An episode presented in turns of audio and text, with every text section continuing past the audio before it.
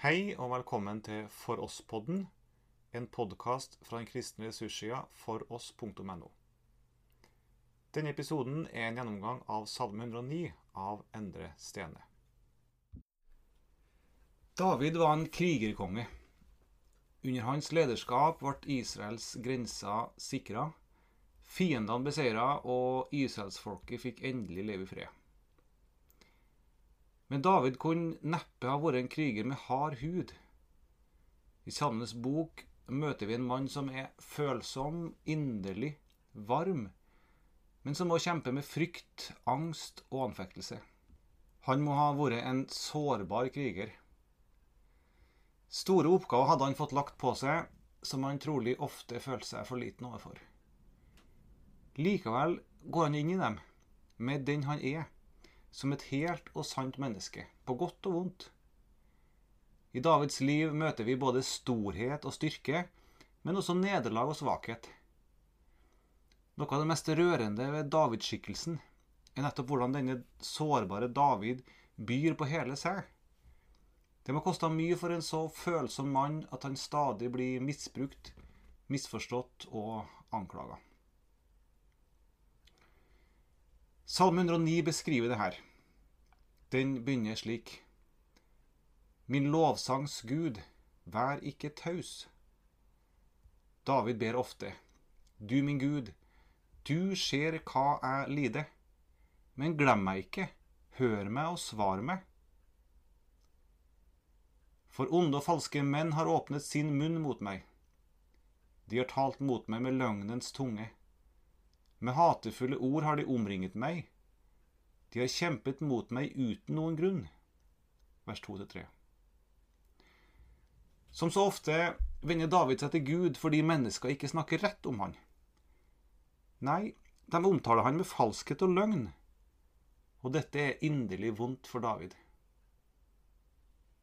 Og det er det heller ikke til å undres over.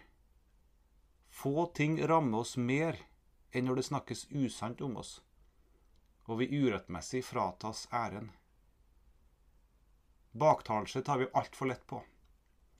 Å bli fratatt ære er ikke mindre tjuveri enn å, stjele en annens penger. Når Luther skriver salmen 'Vår Gud, han er så fast en borg', nevner han det å bli fratatt æren i samme åndedrag som å miste jordisk gods, barn og kone. Og tok de enn vårt liv, Gods ære, barn og viv. La fare hen, la gå. Mer kan de ikke få, Guds rike vi beholder. I Salme 109 forteller David at han har ytt kjærlighet etter beste evne. Men hans godhet har derimot blitt gjengjeldt med anklage, hat og motstand. Til lønn for min kjærlighet anklager de meg men jeg er bare bønn. De la ondt på meg til lønn for godt, og hat til lønn for min kjærlighet. Vers 4 og 5. Det var mye utsett på hans lederskap som Israels konge. Likevel synes han å ha utført oppgaven samvittighetsfullt og etter beste evne. Det synes ikke hans mange motstandere å ville se. Ofte blir han anklaga og misforstått, og hans godhet blir brukt mot han. Bibelen tegner et bilde av en mann med et varmt hjerte, som vil det gode og gjør det gode mot mennesker, men som opplever at mennesker misforstår, ja, til og med motarbeider han. Få ting rammer oss mer enn når kjærlighet blir besvart slik. Dypest sett er David her et forbilde på den store davidskongen, Jesus Kristus. Framfor noen annen gjorde han bare godt. Han viste barmhjertighet mot de svakeste og beskytta de anklaga. Det likte ikke mennesker i maktposisjon. De mente sjøl og visste så vel hvordan andre mennesker skulle behandles med fasthet og etter lovens ord. Og de mislikte at Jesus utøvde en barmhjertighet overfor de hjelpeløse som de sjøl ikke hadde. Jesu barmhjertighet ble fariseernes største problem, da den avslørte hardheten og kulden i deres eget hjerte. Til slutt fikk de nok av han. Peter sier om han, han som gikk omkring og gjorde vel, og helbredet alle dem som var underkuet av djevelen, fordi Gud var med ham. Vi er vitner om alt det han gjorde både i jødenes land og i Jerusalem, han som de drepte ved å henge ham på et tre. Apostelens gjerninger 10, vers 38. Le Miserable av Victor Hugo forteller om den tidligere straffangen Jean Valian, som får en urettmessig streng straff fordi han i sin nød stjal litt mat til sin sultne søster og hennes barn. Etter hele 19 år slippes han ut. Han mislykkes i å finne arbeid som ærlig mann, bryter sin prøveløslatelse og skjuler sin identitet. Politimann Javert blir som besatt av å finne Valian, og jager han ustanselig for å igjen å få han fengsla. Javert vet å lese paragrafer og kan loven til fingerspissene, men Javert evner ikke å se at Valian er en barmhjertig mann. Javerts vurdering av Valian oppleves for leseren som grovt misforstått. Slik er fariseismen. Barmhjertighetsløs. David ser ut for å være utsatt for det samme. Han ga av sin kjærlighet, men fikk bare anklage og hat tilbake. Det smerter David. Han makter ikke å bli møtt slik lenger. Hele hans identitet rammes, og nå roper han til Gud. Hele han er bønn. De kommende ti versene fra vers 6 til 15 ber David Gud ta oppgjør med dem som behandler han grovt urettmessig. Sett en ugudelig til, råd, til råde over ham, og la han anklager stå ved hans høyre hånd. Når han skal dømmes, la ham da gå ut som skyldig, og la hans bønn bli til synd. La hans dager bli få, og la en annen få hans embete. La hans barn bli farløse og hans hustru enke. La hans barn flakke omkring og tigge, la dem gå som tiggere fra sine ødelagte hjem. La en ågerkar kaste garn ut etter alt det han eier, og fremme det røde frukten av hans arbeid. La det ikke være noen som viser miskunn mot ham, og la ingen forbarme seg over hans farløse barn. La hans etterkommere bli utryddet, la deres navn bli utslettet i neste slektsledd. Må Herren minnes hans fedres misgjerning, og må hans mors synd ikke bli utslettet. Må Herren alltid ha dem for øye. Må han utrydde deres minne av jorden. Det er sterke ord som det kjennes vanskelig å bruke i eget bønneliv. Men viktigst å merke seg for oss er at David ikke tar saken i egne hender, men overlater alltid i Guds hånd den urettferdighet han rammes av. I 2. Samuel 16 fortelles det om Shimei, som banner og kaster stein på kong David. Abisai spør kongen om å få hugge hodet av majestetsfornærmeren Shimei. Det går ikke David med på. La ham bare forbanne, for Herren har befalt ham det. Kanskje Herren ser til meg i min nød, så Herren gir meg lykke til gjengjeld for den forbannelsen som har rammet meg i dag. David overlater dommen over Shimei til Gud. Det betyr ikke at David aldri konfronterer de mennesker som gjør han urett. David var ingen dott. Flere ganger tok David til motmæle overfor Saul for den urett som han gjorde mot han. Også på den måten er David et forbilde på Jesus, som tok oppgjør med tjeneren hos ypperstepresten som slår han. Jesus svarte ham, har jeg sagt noe galt, så bevis at det er ondt. Men hvis det er sant, hvorfor slår du meg da? Johannes 18. Det er ikke nødvendigvis kristelig rett å bare tie når vi opplever urett. Samtidig skal vi ikke forhaste oss for å få vår rett i møte med den urettferdighet som rammes oss. Dypest sett skal vi få legge i Guds hånd hvorvidt vi blir behandlet rettferdig eller ikke. Har vi ren samvittighet for Gud, kan mennesker uansett si hva de vil. Så skal vi samtidig være våkne for anledningen der vi sjøl med egne ord kan ta til motmæle. De kommende versene beskriver hjertelaget til den som anklager David. Fordi han ikke husket å vise barmhjertighet, men forfulgte en mann som var fattig og elendig og bedrøvet i hjertet og ville drepe ham. Han elsket å forbanne, og forbannelsen kom over ham. Han hadde ingen glede i velsigne, og velsignelsen ble langt borte fra ham. Han kledde seg i forbannelse som sin kledning, og den trengte seg inn i hans legeme som vann og som olje i hans ben.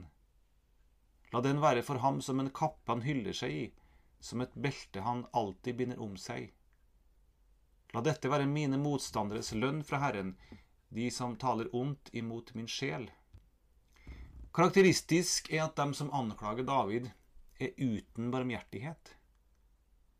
I møte med den fattige, elendige og bedrøva er det ikke noe vennlighet. Slike husker ikke engang å vise barmhjertighet. De har ingen glede i velsigne. Her er bare millimetermål, nøyregnethet, hardhet. Jesus sinnelag er diametralt motsatt. Matteus 11, 28-29 sier, Kom til meg, alle som strever og har tungt å bære, og jeg vil gi dere hvile. Ta mitt åk på dere og lær av meg, for jeg er mild og ydmyk av hjerte. Dette er nydelige ord. Jesus er så mild. Han har et barmhjertig sinnelag. Og det er en slik barmhjertighet David lengter etter å bli møtt med. Men du, Herre, Herre, gjør vel imot meg for ditt navns skyld. Fordi din miskunnhet er god, så frels du meg. Fra mennesker blir han jo ikke møtt med barmhjertighet. Derfor er ens eneste håp å venne seg til Han som er kjærlighet. Han vet at hos Gud er vennlighet å få. Derfor kan han også be om at Gud må gjøre godt mot han og frelse han. Men David sjøl kjenner seg så svak. I dypet av sitt følsomme hjerte er han såra over hvordan han er blitt møtt. Og det gjør han så vondt. For jeg er elendig og fattig, mitt, og mitt hjerte er såret i mitt indre. Som kveldens skygge strekker seg ut, slik svinner jeg bort. Jeg feies vekk som en gresshoppe. Mine knær vakler av faste, og kroppen tørker inn av mangel på fett. Jeg er blitt til spott for dem. De ser meg og rister på hodet. Vers 22-25. Og nå er hans eneste håp Gud. Hjelp meg, Herre min Gud. Frels meg etter din miskunnhet. Så de må kjenne at dette er din hånd, at du, Herre, har gjort det. De forbanner, men du velsigner. Når de reiser seg, blir de til skamme, men din tjener gleder seg. Mine motstandere skal kle seg i vanære og svøpe seg i sin skam som min ytterkappe. Fordi han har Gud som sitt eneste håp i denne situasjonen, er han overbevist om at han en dag vil få oppreisning. De som i dag fører skam over han, vil en dag sjøl måtte skamme seg. Men tidspunktet for når det skjer, det overlater David til Gud. Samtidig roper han om at det må skje snart, for han har det så vondt. Så sikker er David på at Gud vil svare, at han sier han en dag for mange menneskers øyne igjen skal lovprise Gud. Med min munn vil jeg høyt prise Herren, midt iblant de mange vil jeg love ham. For han står ved den fattiges høyre hånd for å frelse ham fra dem som dømmer hans sjel. David vet at Gud står ved den fattiges side. Den fattige her menes den som ikke blir møtt med barmhjertighet, men som dømmes på urettferdig måte. Overfor Gud er ingen av oss rettferdig. Vi møtte med Hans hellige og rene vilje alle våre motiv, ord og handlinger urein. Men overfor mennesker kan vi likevel ha en relativ rettferdighet. Og Bibelen viser oss at Gud på en særlig måte ser til den som etter mellommenneskelige kriterier blir bedømt urettferdig. Profetene tar et kraftig oppgjør med urettferdige dommer, og at de svake, fattige og hjelpeløse holdes ned. Evangeliene viser oss at også Jesus hadde et særlig øye for slike. Men hans oppdrag var likevel så mye, mye større enn å rydde opp i jordisk urettferdighet. For han kom for den som er fattig overfor Gud, og vet at han ikke fortjener noe som helst i møte med den rettferdige. Slike ga Jesus seg døden for, for å stanse munnen på han som ustanselig vil dømme, anklageren, djevelen. For ved Jesu død i mitt sted har ikke engang han noe mer enn skulle ha sagt. Derfor kan Jesus også gi beskyttelse når mennesker lik fariserene er ubarmhjertige og misbruker Guds lov til feil anklage. En rett dom over den som i sin hjelpeløshet ikke har annet enn Jesus, er nemlig at han eller hun er fullstendig frikjent og feilfri. Brorson skriver slik hvem vil meg anklage? Og for dommen drage? Hen til Sinai. Synden jeg bekjenner, meg til Jesus venner, dermed er jeg fri. Møt meg da på Golgata, Jesus skal min sak antage. Hvem vil meg anklage? Du har nå hørt en gjennomgang av Salme 109 av Endre Stene. Denne finnes også i tekstversjon på nettsida vår.